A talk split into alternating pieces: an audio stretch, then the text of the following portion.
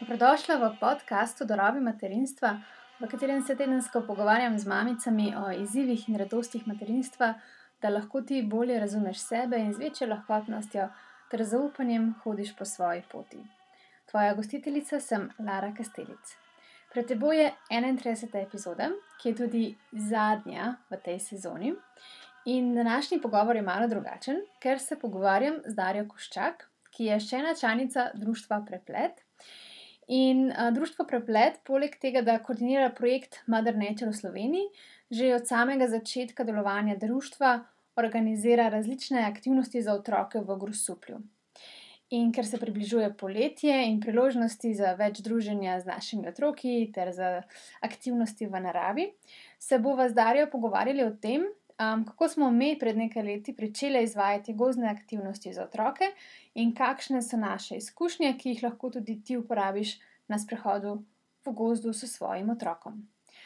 V opisu te epizode imaš kar nekaj uporabnih povezav, med drugim tudi knjigo Otroci v permakulturi, ki je nastala v enem od prejšnjih projektov, v katerem sem sodelovala in ima kupico uporabnih idej, kako otrokom predstaviti naravo ter jih povezati z njo.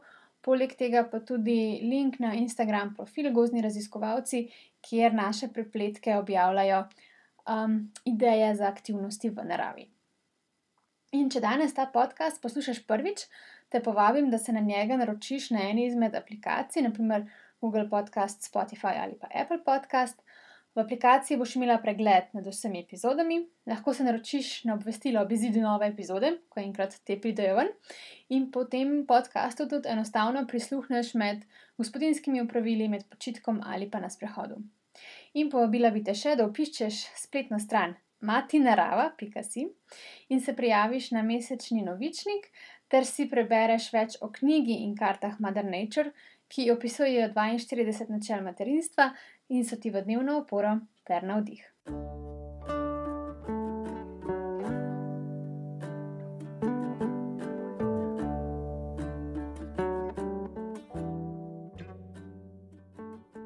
Zdravo, Darja, dobrodošla.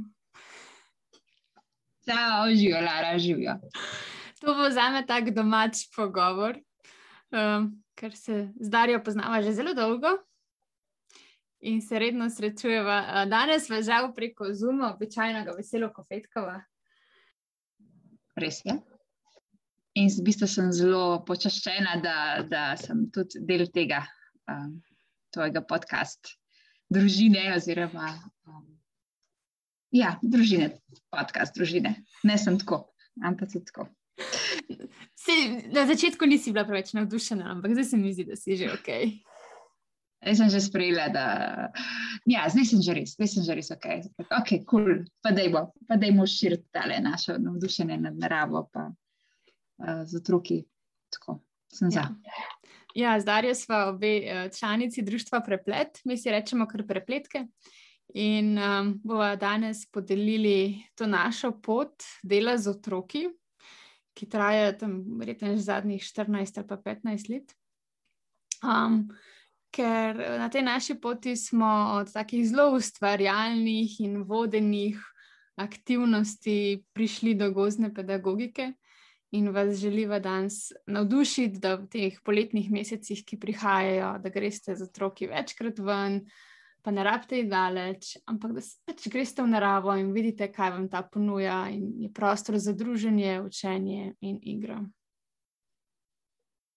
Ja, um, tako da jaz, jaz imam že kar scenarij v glavi, tako da sem začela, Darja. Ti pa mirno lahko skočiš, uh, ko se ti zazdi. Um, jaz sem se prepletu pridružila tam približno 2007, se mi zdi, ko me je Tina povabila, če bi bila animatorka na ustvarjalnih počitnicah, ki so takrat je bilo društvo Preplet, uh, se imenovalo še uh, um, Grosuplje mesto kipov, ker so v ja. resnici yeah. to društvo, ki je organiziralo kiparske simpozije.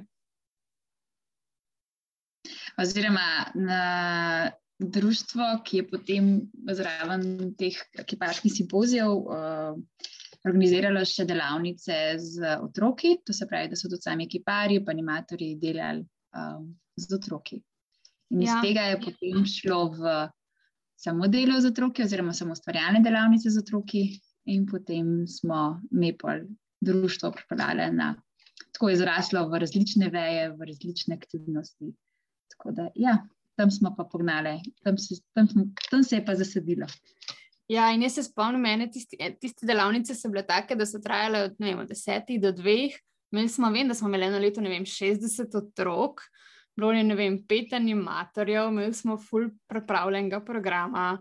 Od vedno smo pač delali z recikliranimi materiali in smo potem vedno kopičali in te škatle in ne vem, barve in pisali prošnje za donacije in prepeljali tam tri prikolce nečesa, da smo potem lahko ustvarjali. In um, vedno smo bili škrati, ja. zmaji. In na koncu smo imeli vedno še predstavo. Ja. ja, tako je bilo. Ja. Čaki zanimivi časi. Zdaj smo kot neke. Tako ekipe, ne, se spomnim, smo delali, ne, um, spomnim se zelo živo tiste velikanske žuželke, žuželke od gigantov, ki smo delali z odpadnega materijala. Oh, ja, pa velikana, pa uf. Naš, naš koncept je vedno bil, da kljub temu, da so bile to večinoma likovne aktivnosti, da smo šli v formate, ki so presegali to, kar so otroci poznali. Spravi, če so v šoli večinoma delali na A4, pa na A3, smo mi vedno šli. Na pač rolo papirja, ki smo jo zarolali po tleh, in so jo oni mogli porisati, in mi smo uporabili vedra barov, in vedno so delali s peskarskimi čopiči, ker pač unišolski so bili premajhni, za res. Tako da smo bili že takrat malo posebni. No? Ampak um, jaz pa vem, da sem bila spravi 2013, sem bila v Nemčiji, v Ekovasi, kjer so oni imeli gozni vrtec. In ko sem jaz prišla nazaj, sem iskala nek priložnost v Sloveniji, da nekaj tajnega sprobam. In sem takrat naletela na Uršo Plešner, ki je imela gozdalnico v Ljubljani na Rožniku. Popoln je bila na glih na porodniški, pa pol se tisti ni izšlo. Ampak sem pa par let kasneje, sploh ne vem kako, prišla do tega, da sem um, z Uršo delala na gozdnih počitnicah, ki jih je ona organizirala v Ljubljani na Rožniku in sem bila z njo, mislim, da dva ali tri tedne. In največji kontrast je bil, da sem bila, mislim, da dva tedna pri njej v gozdu. In potem smo imeli mi v avgustu en teden naših ustvarjalnih počitnic, in potem sem bila še en teden z Uršo v gozdu. In te dve izkušnji sta bile za me tako um, kadam pa nočane. Zato, ker mi s temi ustvarjalnimi delavnicami smo vedno imeli, ne vem, ful velik mentorjev, ful smo pripravili programa, naprej smo vedeli, kaj bomo ustvarjali, in potem smo otroke animirali, da so oni to delali. In imeli smo otroke stare od 5 do, ne vem, 13, in potem smo. In potem smo um, jim pomagali, da so oni pač to delali. V resnici smo imeli tak zelo šolski program. In No, in takrat, ko sem pa z Uršo bila, ti si pa čez neki drugega. Ja, in Urša je takrat že imela, zelo ane v tej gozdni pedagogiki ter v konceptu proste igre. In mi, ko smo šli v gost, mi smo imeli smo skupino, ne vem, mogoče deset otrok, bila sva jaz pa Urša, mi dva nismo imeli nobenega programa. Imeli smo samo ta ruzak z različnimi stvarmi in smo šli v gost in smo pač delali stvari.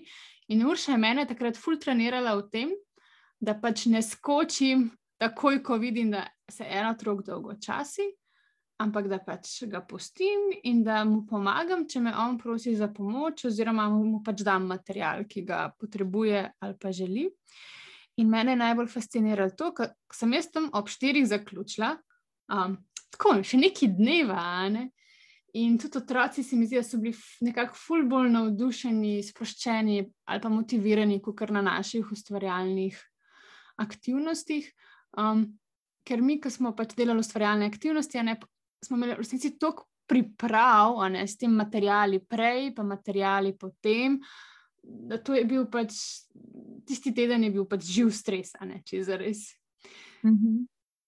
Res je, spomnim se, kako smo pa tudi hoteli, a veš, vsakega otroka res vključiti, pa da bo vsak otrok se ne, nekako izrazil, lahko, pa kaj bi, pa kako. Skratka, zelo smo držali ta prostor, pa pa vsakega individualno pač probale, ne, dejmo, ne, kaj bi, kaj bi. In ja, veliko energije je šlo na no, s tem tudi. Tako da se strinjam. Ja, in hkrati smo imeli takrat ful velike skupine, ne, tam 40 otrok ali pa več. In jaz vem, da nisem bila si sposobna vsega zapomniti, pa kaj rabi, pa pač se nekako z njim osebno povezati.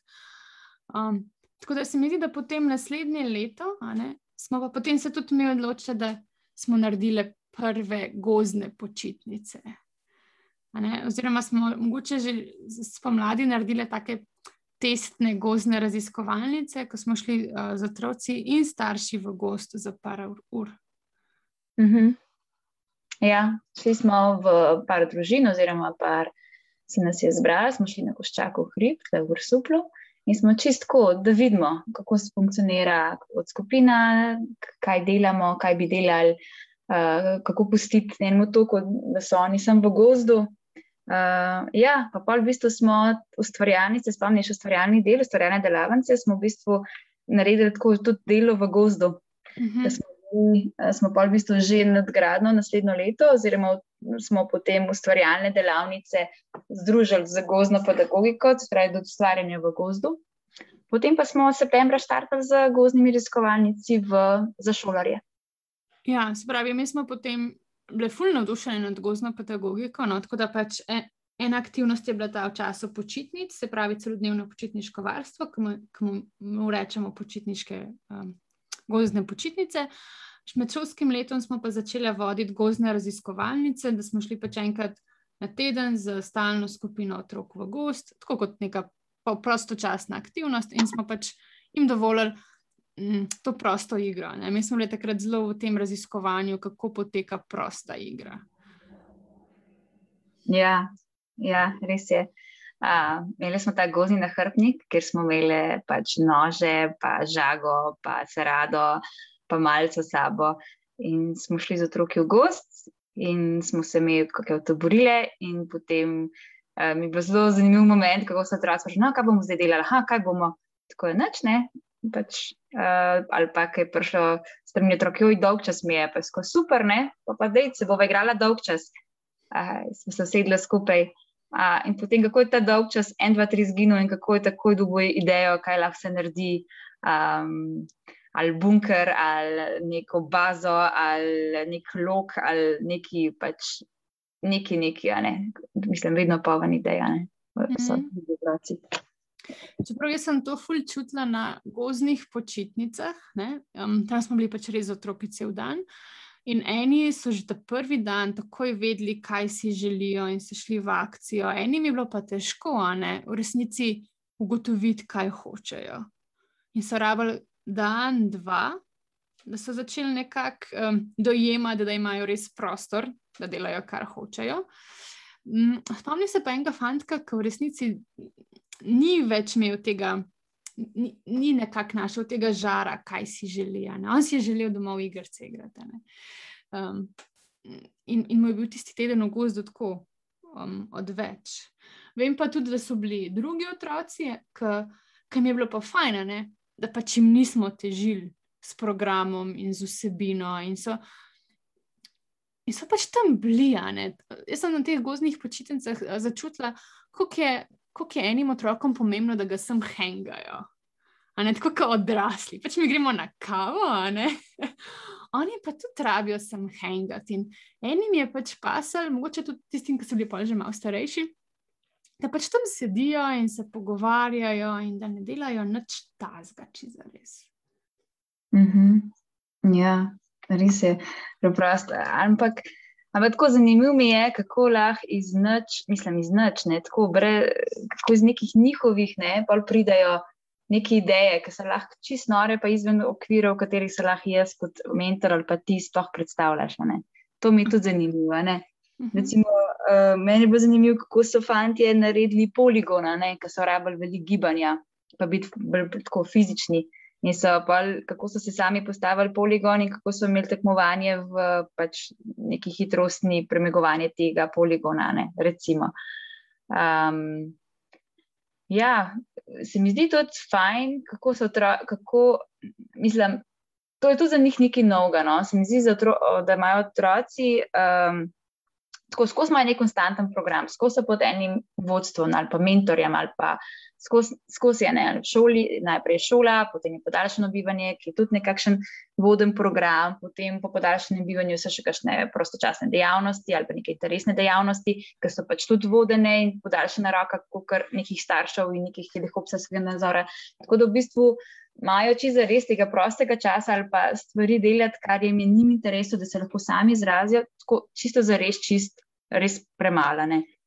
In uh, meni se je pa zdaj, vedno se mi je zdelo tako dobro na teh gozdnih počitnicah, da kljub temu, da če niso prvi par dni vedeli, kaj bi, se mi zdi, se pa vse kratko odprlo. Tako, um, ne vem, spomnim se, tako tudi jaz enega fan, fanta, ki je bil na začetku grozen kako, mislim, tako se mu je zdela, kaj je ena taka kazen, ki mu je bila podarjena ta svoboda, da lahko dela karkoli, kar želi. Um, ampak kako na koncu, mi zdi, pa je ful razcvetel, pa je ful delal, pa je imel pol projekte, pa je lahko delo to in to in to takim ponosom. Na koncu razlagal svojim staršem, da smo imeli to neko predstavo ali predstavitev, kaj smo delali.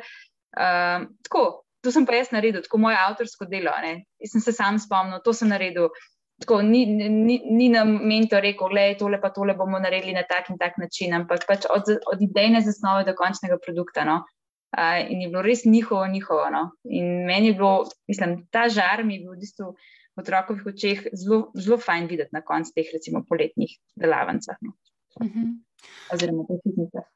Ja, meni je tudi zanimivo, ker mi ponovadi, ko gremo v gost, um, in rečemo, da no, imamo pač tukaj mi zdaj bazo in zdaj tukaj lahko delate, kar hočete. In ful veliko zelo spontano začnejo graditi.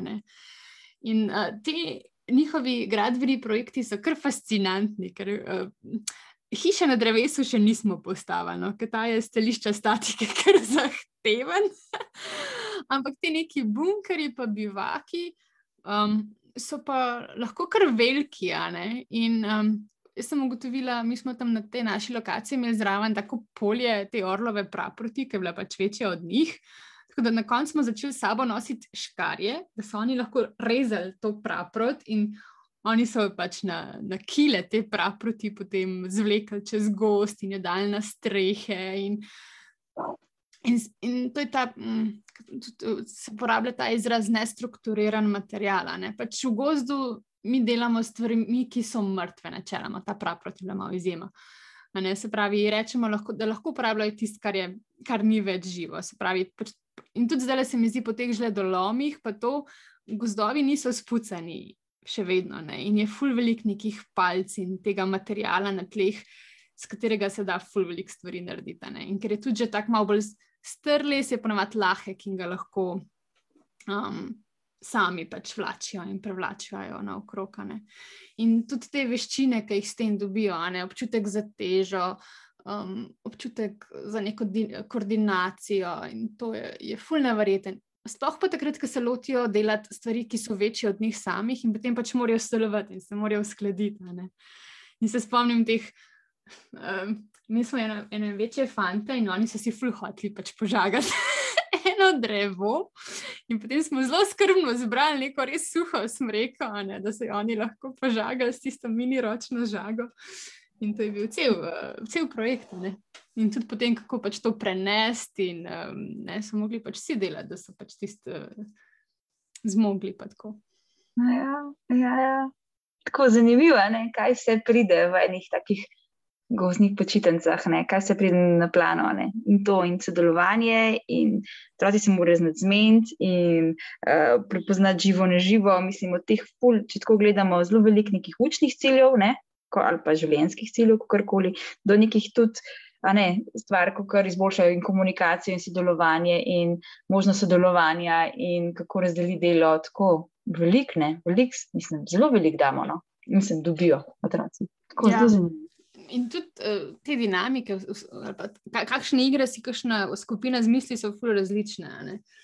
Ena skupina je imela, ne vem, oni so se šli šolo. V vsakem prostem trenutku, ko so ga imeli, so se oni šli šolo. In se mi zdi, da tista skupina je fully rabila podživeti to neko uh, situacijo iz šole. In oni so imeli ravnatelja in tečno učiteljico in prijazno učiteljico in poredne in pridne otroke, tako vse so imeli. Mm. Mm. Jaz se spomnim pa dve baze, ki so imele punce, tako no, viko veline, velinsko bazo in so tako ful dale tega mahunatla, kako da bi bile lahko spale, tako pa so imele pa, pa naredili so take okraske iz vrvice in uh, potem razne štorže, pa take kamenčke, pa vejce so navezale tako okoli in okoli v takem krogu uh, in kako vile, prostor za vile, ki lahko tam plešajo in rajajo. Tako se mi je zdelo tudi taka ful zanimiva stvar. No kako so prišli do tega in kaj jih je vse motiviralo, da so, mislim, kaj so se mogli pripraviti in koliko enega dela so mogli vložiti, da so to pač ta prostor pripravili. Ja, jaz bi povedala še to, ne, da sem jaz vedno tako malo na pol šali, na pol za res rečem, da mi na gozdnih aktivnostih otrokom pustimo delati tisto, kar jim starši ne dovolijo. Ne. Ker mi imamo nože s sabo ne, in jim pač damo nože, in potem oni, uh, ful radi, naprimer, um, lupijo veje in potem delajo te špice, in pa zelo hitro pridemo še do lokov naprej. Um, druga stvar je, da um, lahko uporabljajo ročno žago in pa ful veliko kurimo ogenj. In mi jih niti jim ne preprečujemo plezanje na drevesa. Ampak se ful vidi, no, pač oni, ki si želijo plezati na drevesa, pa to itek že znajo, kako to skozi delajo bolj kot ne, pa tisti pač, ki so malo bolj novi. Um, povedala bi še to, ne, da kar se tiče varnosti, pač varnost je na prvem mestu. In jaz sem bila impresionirana, ker sem bila na škotskem na izobraževanju in smo šli z mulci v hosto in jo pač ta mentorica potegnila na banune, škarje, te velike vrtne, veš, take une polmetrske. Mm -hmm. In potem imajo oni tool talk, se pravi, preden se urodje začne uporabljati, se ponovijo navodila za uporabo tega urodja. In je tako pač nek desetletnik prejel tiste škarje in je tako odrecitiral, pač, kaj je prav in narobe in kako se jih uporablja in pod kakšnim kotom. In tudi mi, a ne vsaka skupina, kaj dobimo. Se jim pač pove, tako se uporablja nož, tako se ga pravilno zapre, tako sediš, tako je razdaljene. Spravi, da ta moment je prisoten, pa tudi vedno, ko imajo otroci urodje v roki, pri nas je tako, da jih pač gledamo, ne? da jih ne pustimo brez nadzora, zdaj um, tekati na okrog ali pa hoditi. Da, to je kar obvezen del. Ja, in tudi, mislim, mi to uporabljamo tudi tako. Mislim, ta čultok tudi mi uporabljamo v celotni. In, pa, in s tem je v bistvu zelo dober, kot otrok zna povedati na glas drugim otrokom, ne, kako se to uporablja varno. Takrat veš, da on ve, kako se to uporablja. Se pravi, da se res nauči in da dobro ve in da pozna to varno uporabljati. Tako da to se mi zdi tudi zelo pomembna stvar, posebej, ker delamo pač, mislim, z lahko z nevarnim materialom, ker noč je nevarna. Ne? Mhm. Ampak v bistvu v vseh naših, v vseh naših izkušnjah se ni, nismo imeli nobenih primernih sreč, ki bi se zaradi nepravilne uporabe uh, teh orodij, kdo karkoli urezal močno ali pa kaj karkoli. Tako da dobro nam gre. Or. Ne, se mi zdi, da prvi dan znamo imeti še kakšne poškodbe, tako da flajštri so vedno z nami, se nam je pa zgodilo enkrat, da sem enega fantka pelala na urgenco. Tako, mislim, da dve leti nazaj. Tako malo si je zarezal blazinco, no, tako da smo šli pol na urgenco. Ampak se mi zdi, da mogoče ne vem, če rečem, 200 ali pa 300 otrokih, ki smo jih pač dali čez te programe, je to zelo um, dobra statistika. In, in hkrati bi tako, če pogledam nazaj, pravzaprav vem, kaj je tistega otroka zmotila. Ne? On je pač gledal druge otroke, medtem ko je delal in, in, in ni imel fokusa na tistem nožku, in pač je prišlo do te nesreče. Tako da, um, tako ne. In to se mi tudi zdi, da je pač ta vloga mentorja, ne? da pač spremlja otroka. In če vidi, da pač otrok ni pri stvari, ga pač povabi, da ne gre delati kaj drugega pa ne pride nazaj čez pol ure, ko bo pač pripravljen to delati, tako čisto res. ja, res je. Pa zelo radi to delajo, res, zelo radi lupijo. Pa ta pozornost, ki imajo pri tem delu z orodji, mi je to zelo neverjetno. No.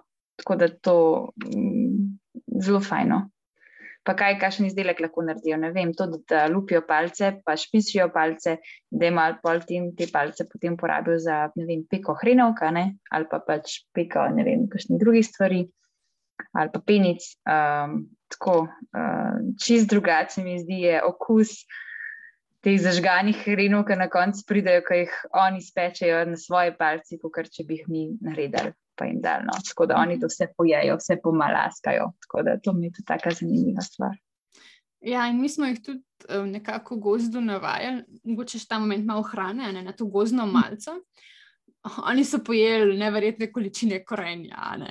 pač mi smo imeli samo korenje, pa jabke in so pač jedli korenje in jabke. Mm. Tako, tako da, paruzine. Zadnji smo, recimo, ta smo rodanski del, je tako zelo fajn. Spomladi smo v bistvu uh, šli kar z otroki, pač, ko smo šli na našo bazo ne? in smo v bistvu ob gozdu, pač ob gozni jasi in po gozdu smo iskali v bistvu žitno hrano. Ne? In smo v bistvu v tem gozdu, se zapotrati sami sem.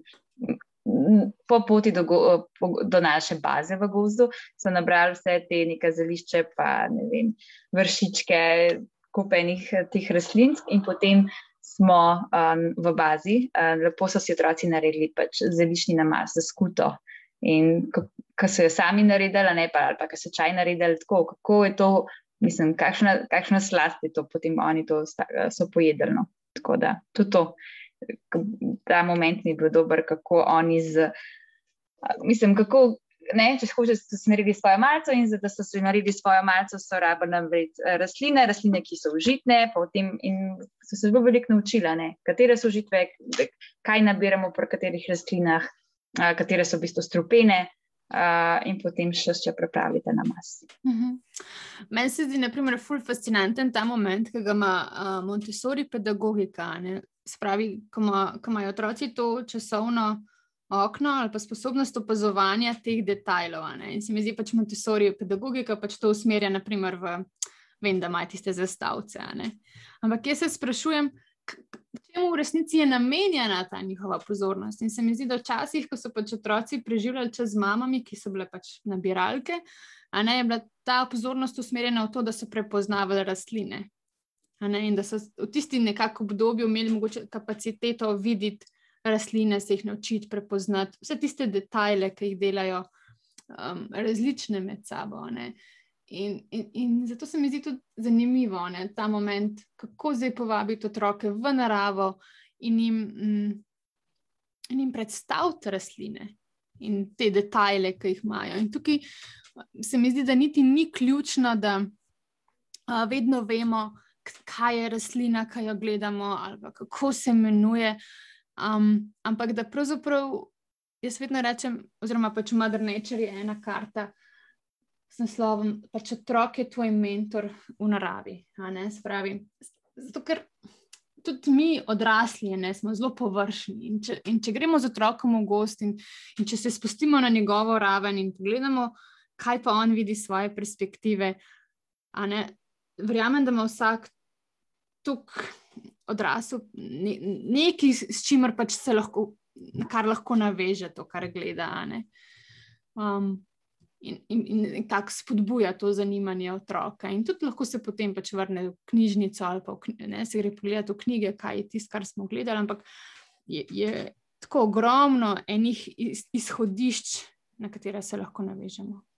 Ja, res je.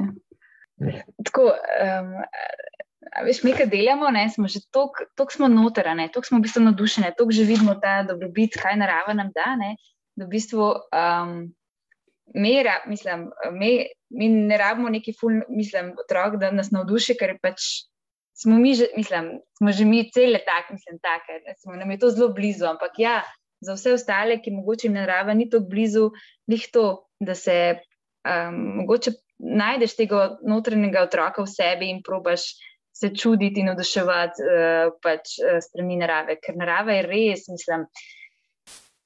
Mislim, narava se spremenja vsak, se spremenja vsak, da, vsak dan, letni časi se spremenjajo. In uh, zelo mi, mislim, meni je to fajn, da se ponudi otrokom uh, možnost vsakodnevnega raziskovanja pač, uh, in uh, nekega aktivnega delovanja, recimo v gozdu. No? To mi je zelo fajn. Recimo, jaz sama izhajam iz tega, mogoče še to, kako, zakaj meni to tako pomembno.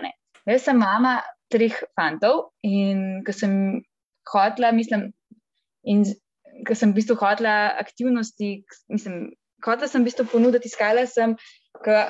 Aktivnosti, ki se preživljajo v naravi, sem iskala za moje, pač, mojega, moje fante. In ker tega trenutno v lokalnem okolju nisem um, dobila, sem jim zdela, da pač, lej, smo preplet, da imamo potem, uh, da imamo to, to Zato, mislim, odklej moja energija, zakaj si želim to nagrajevati, zakaj si želim pač te aktivnosti ponujati drugim otrokom. V bistvu, moj prvi interes je bil ponujati aktivnosti pač aktivnega preživljanja v naravi mojim otrokom. In mi je ful dobr, ker lahko v bistvu tem, uh, ki imamo to gozne raziskovalnice, ponudim všem, uh, pač vsem ostalim otrokom, kateri bi to zanimalo. Tako da to mi je tudi tako. Kaj pa ti vidiš, prs, mislim, ti tako nasplošno svoje otroke spodbujaš, da gredo ven, pa pač lej, to, da so. Meni se zdi. Prvo to, da imajo vsi svoj držni komplet, gredo ven, blatni, umazani, ne, pač ni ovira. Ampak kaj ti opažaš pri svojih otrocih, ki pač gredo na take aktivnosti ali pa ki ste zunaj pa to? Meni je zelo fajn, zelo je manj konfliktov. Mislim, jaz imam zelo majhno starostno skupino in trenutno so zelo v fazi nekega tekmovanja, da sploh starejša dva ne. Tekmovanja in s tem, ker ste malo tekmovanja, je zelo veliko konfliktov in tako. Uh, in zdaj, ko so oni, ona, ona dva recimo zunaj v gozdu, teh ni, ne, teh konfliktov, mislim, kar ni jih, ne. Um, ko znate bolj sodelovati, znate se zamotiti. Uh, tako nevreten je to, da če smo recimo mi zaprti, če smo recimo notri, koliko je več, uh, mami di to, mami to. Uh, Koliko več pozornosti rata, koliko več mogoče usmeritve rata, koliko več mogoče nesoglasi imata. Medtem ko gozdo se mi zdi tako, kot jih ne bilo. No. Tako mi je zanimivo, kako se navdušujete nad enimi stvarmi, uh, kako svojo pozornost dajete v, v naravo in ne mogoče v ta nek drug drugega, pa da bi pa neko prišlo lahko odklonilno vedenje. No. Cimo, to, mi je, to mi je zelo zanimivo. No. Zdaj, ki si to govorila, sem pomislila na to, da, da mogoče bi pa kdo rekel, ja, kaj pa če ti otrok pobegne ali pa gre predaleč stran. Um, mi uporabljamo ne, neko to pravilo, ki ga imamo, ne, to, da, da vedno se vidimo. Se pravi, tudi mogoče zbiramo taka mesta v gozdu, ki niso tako poraščena. Se pravi, da tudi če gre otrok 20 metrov stran, ga ti še vedno vidiš in on vidi tebe. In nasplošno. Um, Otrok se mi zdi, da si ne želi, da bi pač se izgubil v gozdu, ali pa da bi se oddaljil od uh, svoje skupine. On se želi počutiti varno. Uh, Pa tudi na začetku zelo jasno so oblikujemo pravila, ne lih to. Uh, pač lahko se omakne toliko, dokler je pač ga mi vidimo, pa on vidi nas. Uh, mislim, že skupaj se oblikujemo, kako želimo funkcionirati v skupini, pa kako da, da se bomo imeli fajn. In je zelo, zelo se obnese to. No? Um, in se pa tega tudi vsi držijo. Uh, imamo tudi nek ta klic, hitri klic, katerega pač hitro pridejo potem do enega izmed mentorjev. Um, Tako da, ja, zelo, dob, mislim, zelo dobre izkušnje. Mislim, se nam ne zgodi, da bi kar nekdo pač pobegnil ali pa pač se to uh, prek igre oddaljil, da ga ne bi mogoče več videl. No. Ja, jaz se spomnim enega fantka, on je, on je bil pač star, mislim, da je bil pet let. Pa imel je malo, kako bi rekla, čustvene stiske. No? Um, In, in, in tistem, mislim, da se je nekaj skregal z drugimi otroki in je bil jezen, in tisti svoji jezi je potem pač odkorakal stran. In, uh, um, pač sem šla za njim in sva prehodila vem, 100 metrov, tako da se je on pomiril, in, in, in pa sva prišla nazaj. Ne? Tako da se mi zdi, da če je otrok ok, pa če nima nekih mogoče posebnosti v razvoju ali pa. Tako, ne, potem se pač da stvari zmeniti. Tudi vemo, da če ima otrok drugačne potrebe, da bomo tudi drugače postavili okolje, da bo tudi za njega varno. Ja, predvsem se bomo pač pripravljali že vnaprej, da da pač ne bi prišlo do nekih situacij, v katerih bi bilo pač za njega ne bile prijetne. Ne, pač vse je pač stvar informacije in da se mi pač predpripravimo, ne, da ni nekih konfliktov ali pa, ali pa pač ja. nekega vedenja, katerega pač ne želimo, da je odklonilnega mogoče. Meni se zdi še ena stvar, zelo pomembna, ki bi jo izpostavila, je to, da um, ta uporaba besede ne se mi zdi, da danes um, je za starše ali pa mogoče za odrasle veliko krat najbolj oh, najlažje, če pač otroku nekaj prepovemo. In mi se ful trudimo vzgajati same sebe v tem, da otrokom ne preprečujemo stvari. Se pravi, da je beseda ne res rezervirana samo za tiste situacije, um, ko, ne, ko ne res pomeni dovolj ali pa stop. Ker um, si v gozdu, glih zaradi okoliščin, teže prvoščimo, um, da bi pač nekaj stvari um, šle v ne, neželjeno smerane. In meni je, bilo, meni je bil zelo zanimiv pogovor, ko sem ga imela enkrat z Evo ko smo gledali enega fanta, ki je plezal na drevo. in je bila Eva tako zraven mene, tako že malo trdo, tako, Lara, a ne grejo on previsoko. Ne, ne, ne, vse je še v redu. Ampak potem, pač, ko se je dvigal, sem tudi jaz videla, da se je tista moja notranja meja, pa občutek, do kje je še varno, da gre, pač, eh, da je bila dosežena. In, um, in sem ga potem pač povabila, ne, v smislu, jaz spravim, jaz imam ponovadi nek tak govor. Um, um, pri tem plezanju na drevesa, ne? zdaj pač si ti tam na drevesu, um, jaz sem tukaj, da skrbim za tvojo varnost, jaz se ne počutim več v redu s tem, kje si ti. A, a lahko, prosim, se spustiš vem, en meter nižje ali pa dva metra nižje. Um, tako ne. In se mi zdi, da potem, ko smo imeli zelo pogovor o tem, ne, zakaj je ona prej. Um, cvik, cvikalna, kot kar jaz. Um, je fulj pomembno, da mi, kot odrasli, ki smo odgovorni za te otroke in njihovo varnost, vemo, kje je naša notranja meja. In da iskreno reagiramo, ko, je, ko se pride do te meje. Mm. Ker, ker se mi zdi, da takrat potem tudi otroci iskreno začutijo, da mislimo resno. Mm. In, in se odzovejo na to. Ja, strinjam. Tle se mi zdi tudi pomembno, da razvijaš uh, njihovo notranjo mejo. To se pravi, da oni vejo, da se še oni počutijo varne in da nekaj storijo to zaradi sebe, ne pa mogoče zaradi pritiska vrstnikov. Da tudi mm. oni vejo, da ne to delam zaradi tega, ker ne zaradi tega, ker oh, jaz sem ker gre z neko vrstniško, mogoče nek pritisk, ki pravi, on je šel do tizga, jaz moram biti tudi tizga, ampak da se sam počuti dovolj ok in varnega, da gre do neke meje. Ne?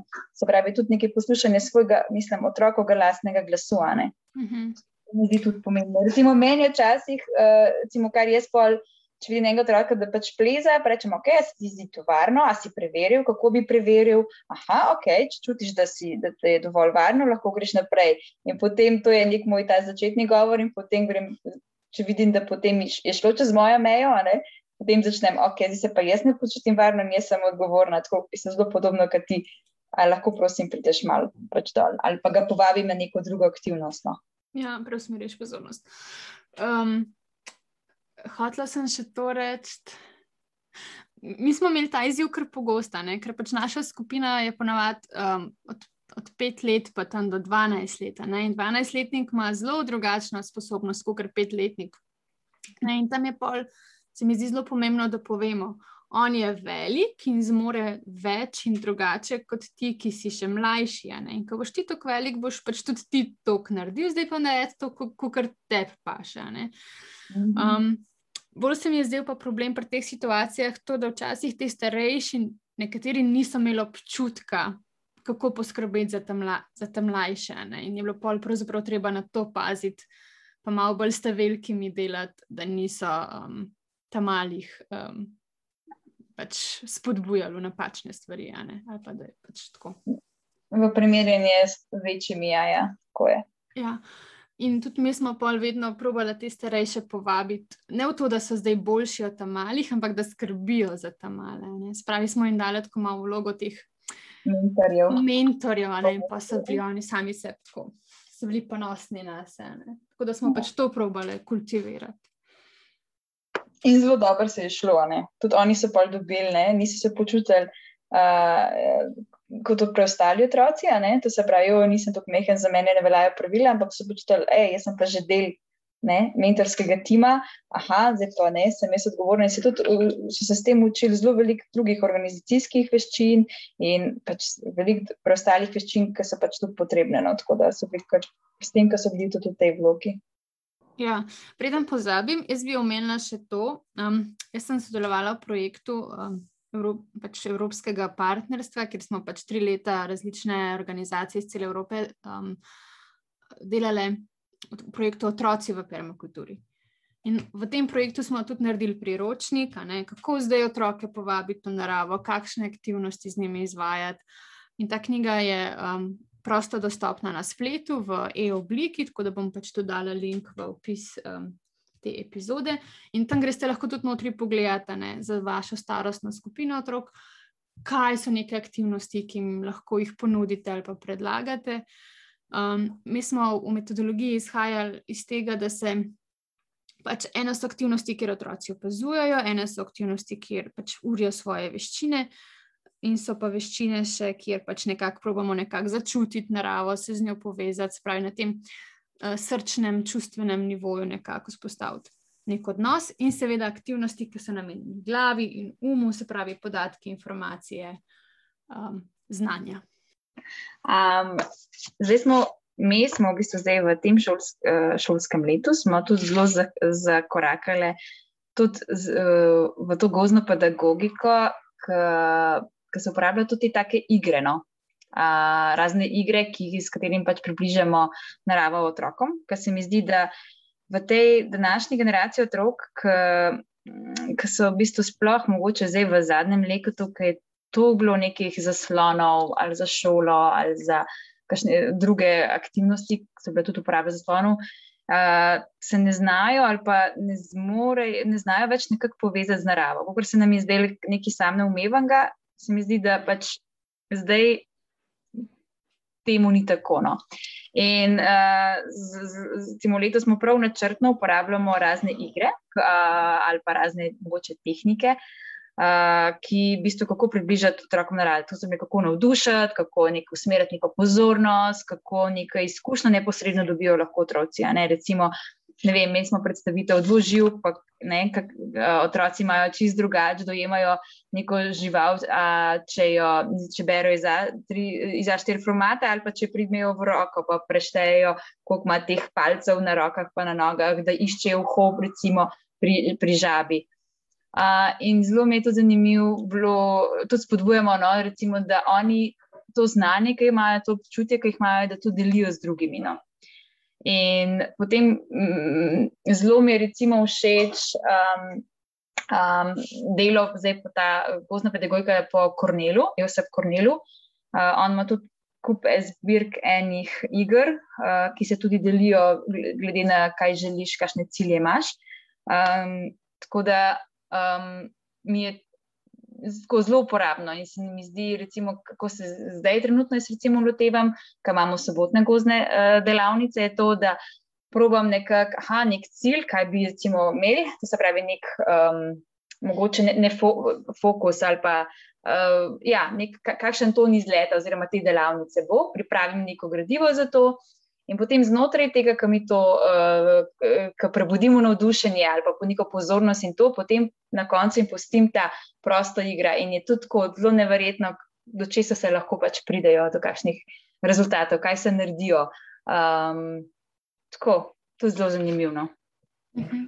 Mogoče sem, da še dodamo. Prej smo se z Darjem malo pogovarjali o tem, kaj bomo govorili, in so vmes ugotovili, da, to, ne, da če smo jim samo dovolili prosto igro, Um, in včasih na teh dveh urnih delavnicah premalo časa, da bi oni se zares tako sprostili, pa da bi nekako preklopili to, da lahko delajo, kar hočejo. Ja. In zato pač se zdaj je koncept malo spremenil in je na začetku vodena aktivnost, da se oni pravzaprav ogrejajo, povežejo, da pač padajo not in potem sami naprej izpeljajo stvari. Ja, tako je. Recimo, ne vem, otrok, mogoče pride tako. Um, imeti pač težek dan v razredu, to se mu je zgodilo, to in to. In vem, pač, da mu tudi tek prek teh iger ali aktivnosti pomagamo, tako, da, da, to, da to lažje prebrodi in da se pač bolj hitreje pač poveže z naravo. No. Recimo, da ni tega umestnega toliko časa, ker ne, bi, zdaj imamo sobotne delavnice, ki trajajo dve uri, ne, ker v bistvu je to zelo malo, ne tako le na mine. Ma, pridemo malo, nekim aktivnostim imamo malčko, pojemo uh, malo proste igre in gremo, ne, res bašusa nam gre, da, pač, da, nam, da res probamo čim bolj izkoristiti ta čas, ko smo v naravi, da, da smo v naravi. No. Tako da ja. nismo prežeti s temi mislimi, ki nas mogoče težijo, ali pa, ali pa neko negativno, mislim, ali pa neko energijo, ki jo otroci prenesijo iz šole ali iz domačega okolja. Ja, zdaj, ko si omenila gozdne raziskovalnice, um, jaz bi pač podarila tudi to, da mi smo jih izvajali celo šolsko leto. Ne? In ponovadi se začenjajo ob štirih, petih, ne? če so bile med tednom. Ja. In mi smo jih izvajali tudi po zimi, v istem času, kar pomeni, da po zimi so bili pač otroci v gozdu dve uri s čelko na glavi. In je, bil, in, je, in je bil to čist neka nova izkušnja, ne? tudi gozda. In tudi po zimi je bilo meni vedno fascinantno iti potem s čelko v sneg in v gost. In, um, ja, in je izziv, ker je mrz in te zebe. Ampak Ampak po drugi strani imajo otroci neko izkušnjo, da vidijo, kako je v bistvu gost v vseh letnih časih, v, ne, v vseh. Ne, um, Timo, zdaj poletje je čisti dan, je še vroče, ne, v bistvu ob štirih, in ko po zimi je bilo uh, temno, ščelko v glavi, um, ko malo zastrašujoče, oj, do šestih bomo. Tako, zelo zanimivo, ne, oni veliko, mislim, veliko dobijo. Skratka, pa tudi zanimivo se mi je zdelo to, da smo šli ne, gled, ne samo v letne čase, ampak tudi, da, bilo, da smo šli v vsakem vremenu. To se pravi, tudi, če je bil dež, ali pa če, mislim, ali pa če sneg padel, ali pa tako. Um, pa se, se držimo nekega tega skandinavskega um, reka, ki pravi, pač, da, da ni slabega vremena, ampak je samo slaba oprema. Tako da smo prišli popolnoma opremljeni z nepremičljivimi, pač dežnimi hlačami in jaknami in kapo v gost, in smo se imeli lih tako dobro. Ja, um, tako se mi zdi, da se pol odprejo. Ne, mogoče po zimi gost ni tako zanimiv, ampak v teh nekih spremenjenih okoliščinah so, so pa neke stvari vse nove. Ne, in, se, in, in tudi kot odrasli, pa kot mentori, lahko na to navežemo nek pogovor ali pa neke vsebine. Meni se zdi, da včasih je tem otrokom fajn, sem to, ker pač tam hodiš po gozdu in potem ti povejo, kaj je bilo v šoli in kaj, kaj mi je kakšen sošolc rekel. In tako se mi zdi, da nekako skozi to gibanje, pa malo čez pogovor, lahko lažje ven um, izrazijo tisto, kar jih teži. Se mi zdi, da za otroke to, da se usedeš, pa se tako psih, psihološko, psihiatrično z njimi pogovarjaš, ne prideš jih daleč. Ja, zelo zanimivo je, ker ti nekaj dela z njimi. Ne? Ali pa nekaj se stvariš, tako, kako lažje prideš do pogovora, ali pa kako več se razgovorijo, kot da bi se vsedel to, kar si rekla, drug na drugo stran, pa začel pogovor. No. Mogoče bi še prej mi je zanimivo, da imamo zdaj svoje najljubše drevo. Um, vsak ima svojega in je tudi zelo zanimivo opazovati spremembe tega drevesa, vsakeč, ko pridemo. Uh mhm. -huh. Smo pač, mi smo ga poimenovali, dali smo mu ime, tudi ne, naredili smo iz gline obrazek in tako. Tako da tudi to, ne, da v bistvu ima otrok možnost spremljati en, en drevo pač cel, celo šolsko leto. Uh mhm. -huh. In kako se, kdaj se prebuja, kdaj se ne, ne kdaj bo lista odvrgel, kdaj bo. Aha, tako skozi vse letne čase. To mi je tudi tako zanimivo. Ja, ker se mi zdi, da veliko je danes tega, da imajo otroci na voljo knjige ali pa pač neke uh, vsebine na tablicah, ne, ki jih učijo o tem, kaj je v naravi. Ampak potem, ko so v naravi, pa tega ne znajo vedno povezati s tistim, kar vidijo. Zato pač konkretni material, konkretno biti v gozdu, je čist neka druga, mislim gre za čisto neko drugo podajanje znanja, kot če ti bereš ali pa, ali pa si prek vem, televizije ali pa kakšnih um, uh, oddaj, vidiš in se, uh, srečaš, kot če to sam narediš, pa sam vidiš, pa sam povežeš.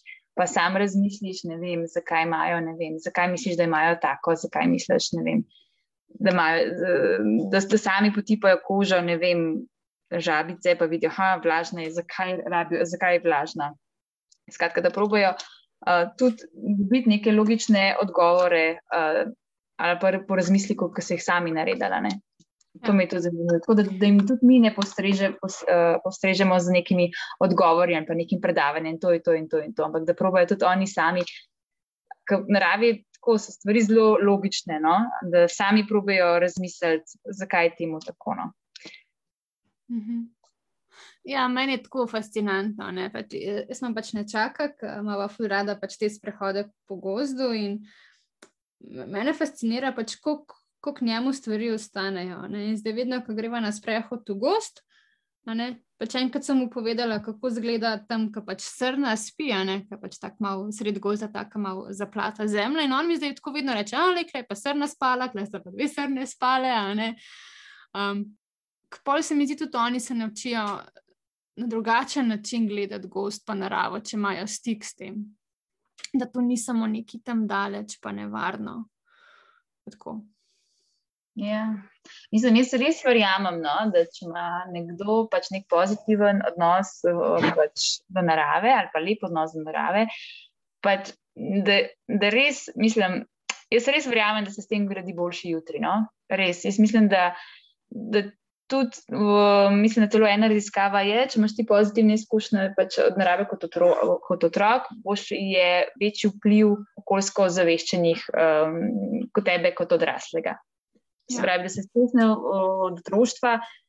Zelo pomembne. Ne? In če jaz dejansko čisto realno pogledam, koliko so moji otroci dejansko v naravi, je zelo mala, ne bi se ti mož se zelo pripraviti. Mislim, sem zelo druga, zelo zagovornik tega, da so velik zunaj, da, da gremo ven, da gremo v gost, gremo to, ampak preprosto zmanjka, mislim, meni manjka časa med tednom. Oziroma, si tako smo natemperani, da moraš imeti skoraj urnik za to, ali pa zelo se rabiš pripraviti. Tako da verjamem pa, da nekdo, ki mogoče mu to ni tako blizu, kot je mogoče meni. Tega nič ali pa še manj, ne, nima ti priložnosti podeliti narave, pa gozda tako v taki meri, kot bi si mogoče želel. No. Tako da res lepo vabim, no, da si zdaj le mogoče, ker je poletje, pa ima malo dopust, pa lahko starši malo predihamo, pa če si oddahnemo, pa predihamo. Da res gremo, um, gremo v gost in sem, da smo vsem tam in pustimo otrokom, da se igrajo, pa, uh, pa da v bistvu nekako sledite, um, slediš njihovim zanimanjem, pa uh, ne vem, ker, ker velik, mislim, gost res veliko pomeni. Mislim, gost ima neskončno vir enih barv, zvonjev, slik, uh, zvokov ne? in kup idej, ki jih, ki jih otrok vidi in ti lahko vsem to podpreš, pa pač nekaj nagradiš, no, če veš. Če pa ne, recimo, meni se to dosti zgodi, da stvari, ki me ki pridejo, ki jih to zanima, recimo iz neke radovednosti, pridejo, jaz vseh odgovorov ne, ne vem, ampak ne za to. Pa je pa rečemo, ok, gledaj, ko bomo imeli malce, bomo. Uh, Uh, bom, bom pogledala, stri, bom vprašala strica Google, da vidim, kaj to veš, zakaj ne vem, je razlika. Ne vem, kaj, kaj je to za ena uh, žuželka. V redu smo slikali in potem smo iskali po Google, katera bi lahko bila, pa s čim se prehranjuje. Recimo, ker pač ne. ja, seveda, ker ne moreš vedeti. Ja, ampak tako, hočem reči, da sem biti v naravi, pa slediti otrokom. Pa tudi, če ne veš, le, sploh ni, jo znake pa imene na koncu ne, ne pomenijo zelo veliko. No.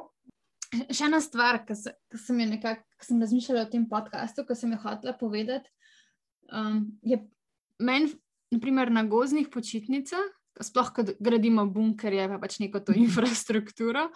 Meni je zelo pomembno, da na koncu tudi podremo tisto, kar smo postavili. Um, ker se mi zdi, da v naši družbi je zelo negativno pač uničiti tisto, kar smo ustvarili. In jim želim dati tudi ta moment, da pač stvari v naravi krožijo, oziroma da pač v naravi nekako ne pustimo za seboj sledi. Tako da spravi te neke druge momente, kot so splošno prisotni, ne? oziroma tudi potem nasloviti ta moment propadanja, umiranja.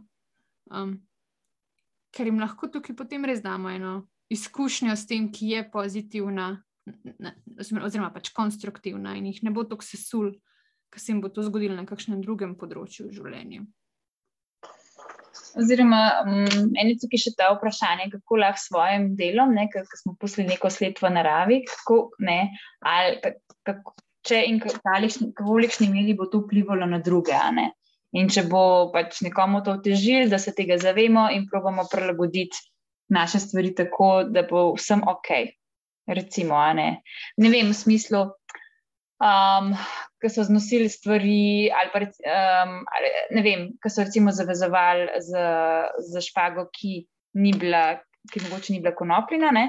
da pač vemo, da, to, uh, da se ne more razgraditi in da stvari, da se potem pobere, da pač ne smetimo, da pač, pra, pač res smo v tem zavedanju, kako, v bistvu, kakšno sled puščamo naravi z našimi aktivnostmi. No. Ja, jaz, jaz nimam nič več, Darja, imaš ti še kaj? Mogoče, kar se meni zdi tudi fajn, je, da ne gremo pač zdaj v gost, pa reči, ok, zdaj bom pa jaz mojim otrokom pač celo predavanje ali pa neki učni načrt naredil, kaj bom jaz te njemu pač predaval. Ampak da so, na, da so še vedno otroci tisti, ki vodijo oziroma ki narekujejo, ne? da smo bili zelo dojemljivi na kakšne njihovo napad zanimanje ali na kakšno pripombo ali sklik in tako. In da s tem, ne, da oni dajo to povod in potem mi to nagradujemo, da, da je že. Um, Da v bistvu mi smo tisti, ki pač širimo, pa nagradimo to otrokovo zanimanje. In oni res, mislim, jaz vidim, recimo, mojega Jakoba, kako. Če si izhajam iz tega, iz njegovega zanimanja in to stvari pač nagradim, koliko si on stvari zapomnil. Kot če samo jaz želim nekaj odpredavati, uh, pa pač stvari povedati. No. Tako da, fajn je, da smo, mislim, tako, da smo nekako da, tako, da podprem njegovo radovednost, da podprem njegove ideje, um, raziskovanje. Da se, pač, in se mi zdi to zanimivo. Mhm, ja, da se tebi zdi iskreno zanimivo. Ja. No, jaz vidim, da včasih se mi pa ne da. Ne? Pač, tam otrok neki tam napleta, jaz pa mislim, ojoj. To.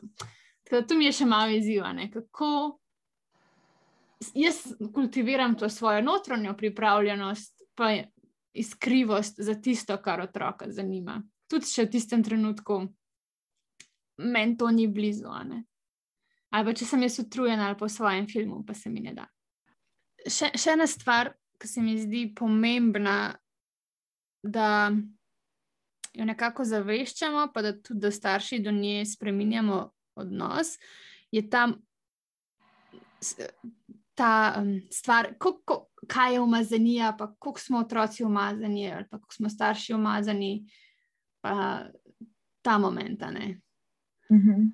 Ker eni otroci, ki pridejo v gost, tako jim je neprijetno, ne? ker se pač ne upajo se usesti na tla, ne, ne želijo se dotakniti stvari, ne želijo skakati po lužah. In mi je tako. Ne želijo se spustiti po blatnem to boganu, da se pač ne bi umazali. Uh, in ja, ker smo imeli najbrž pač življenje do takrat pač z neko to izkušnjo prepeljali, da je to napačno. In ne mislimo zelo fajna, ker imamo imeti delavnice oziroma počitnice, da jih pripravimo, da je to vse ok, da je ok, da če skačeš po luži, da je ok, če ne vem, si, uh, sediš na tleh, da je ok, če primeš, če želiš. Tako. Ja, in tukaj se mi zdi, da pač po eni strani je zgled, da, ne, kaj jaz kot starš kažem svojim, oziroma pa kot odrasla oseba kažem svojim vedenjem, kaj je v redu in sprejemljivo. Po drugi strani pa potem tudi vedno povabilo, ne, da otrok naredi korak dlje od tistega, kjer je, ne, in da ga ne smemo pa siliti v stvari, ne, ker um, se vemo, da pač rast se dogaja po malih korakih in če jih porinemo predaleč, ne, pač gredo v stisko in v paniko, tega si pa ne želimo. Mm, ja, pa tudi pri nas je tudi ena tako, ne, sem, jaz tudi ne želim, ne, vsakeč žehte prati in čistiti in to uh, z mojimi otroki, čeprav to veliko krat delam, no, ampak tako, le pri nas, ne, otroci imajo res so oblačila, ki so, ne vem, um, ki, ki se jih lahko umažejo, ki, ki, ki so v bistvu um, držne oblačila, ki jih lahko samo speremo, ne, da se pravi stvari. Ponudimo jim možnost, pa nek prostor, v katerih se pač res lahko umažejo. No? Tako hočem povedati. Ja. In je, in je fajno, in je fajn. In se mi zdi, da bi lahko imel vsak otrok možnost pač v veselju čufati, da slabe vesti po lužah in biti srečen v tem. No? Ja, voda je še en medij, ki jih totalno fascinira. Ali je to luže, dež, potok. Tukaj se mi zdi, lahko oni tukaj enih stvari odkrijajo, če pač imajo priložnost. Ja, Mi še posebej spodbujamo, rečemo, da je izkusi, da je poskus to. Ne, ni, ne, ni pravil, bomo, tako, bomo že skucali. Ne, to ne skrb na to, bomo že. Ne. Um, bi pa zdaj za konec samo še povedala, ja, kaj načrtuje preplet v prihodnjih mesecih. Tako da, če je kdo iz Grosupla ali pa okolice, se lahko um, pridruži. Uh, obstajajo ja. pa tudi druge organizacije v Sloveniji, ki pač imajo veliko aktivnosti v naravi. No, tako da sem pripričana, da lahko najdete pravo zase. A, tako, mi imamo naslednjo soboto, to je 19. junija, imamo zaključek naših gozdnih sobotnih delavnic. Tako da, če želite kako, videti, kako izgledajo pač delavnice v gozdu na Koščakovem hribu, lepo vabljeni. Drugače pa imamo potem med poletnimi počitnicami, potem organiziramo gozdne počitnice s prepletom. Um, na voljo so tri termini med 19. in 23. julijem, med 26. in 30. julijem in 2. in 6. augustom. Uh, gre za v bistvu varstvo oziroma uh, program teh gozdnih počitnic, traja od 7 do 16. Uh, smo pa nastanjeni v gozdu, prav natančno v sela pri Šmarju, v Fazenariji. Um, tako da tukaj je ena tako odlična priložnost za vse otroke, uh, da, ma, da uživajo v naravi, da spoznavajo tako pristno naravo. Um, in kaj bomo delali? Ja, bomo obiskali en gozni potoček, zakurili ogenj, naredili kakšno dvoživko ali pa naredili kakšen lok, splezali na drevo, bivak, zipline. Mislim, ideja je toliko, da vsako leto rečemo, da bomo to poskusili narediti naslednjo leto. Um, Tako da lepo vabljeni, no? nekaj prostih mest še, uh, več informacij dobite pa tudi na naši spletni strani www.preplet.org. Um, se pa v naslednji sezoni, to se pravi v naslednjem šolskem letu, se pripravljajo tudi uh, gozne raziskovalnice, to se pravi enkrat tedensko uh, se pripravljajo aktivnosti za uh, šolarje, za šolobvezne otroke. Tako da, kaj več informacij bo pa tudi znano mislim, da malo pred septembrom, ko se bomo še uskladili urnike, pa naredili plan za naslednjo šolsko leto. Tako da lepo vabljeni k spremljanju prepleta. Um, ja, preplet ima zdaj nov profil na Instagramu, gozni raziskovalci. Tako da, da če želite imeti uh, več inspiracije, pa navdiha, kaj početi uh, z mulci v gozdu, nam lahko sledite. Hmm, res je, tako se bo postavila prava zbirka idej, kakšne aktivnosti se lahko ima. Tako da, polajkite nas, ali kako ne rečemo. ne pofollowajte. Sledite nam na Instagramu in Facebooku. Super, Ej, hvala, Darja. Hvala, hvala tebi. Up, upam, da ste dobili, drage poslušalke, kakšen navdih ali pa idejo. Mm, za več predlogov in vprašanj smo vam na voljo.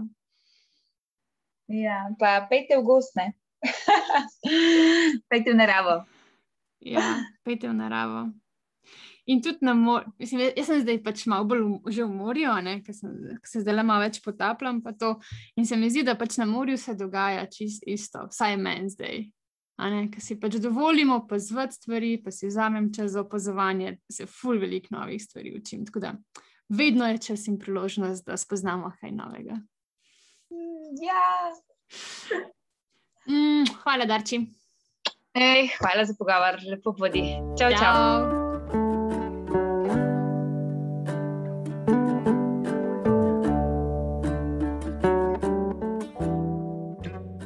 Projekt Mother Nature je plot triletnega mednarodnega sodelovanja žensk iz petih držav. Namen projekta je bil, da ustvarimo nekaj, kar bo v pomoč mamam ter strokovnjakom, ki delajo z ženskami pri ozaveščanju izkušnje materinstva. Ustvarili smo knjigo in karte Mother Nature, ki se medsebojno dopolnjujejo v opisovanju 42 načel materinstva. Ta načela niso neke znanstvene resnice, ampak spoznanja žensk, ki so bila del projekta in vključujejo vse tisto, kar so one pogrešale ali pa jim je bilo pomembno v njihovi materinski izkušnji. V knjigo je vključeno poglavje o vodenju ženskih krogov s pomočjo kart Mother Nature.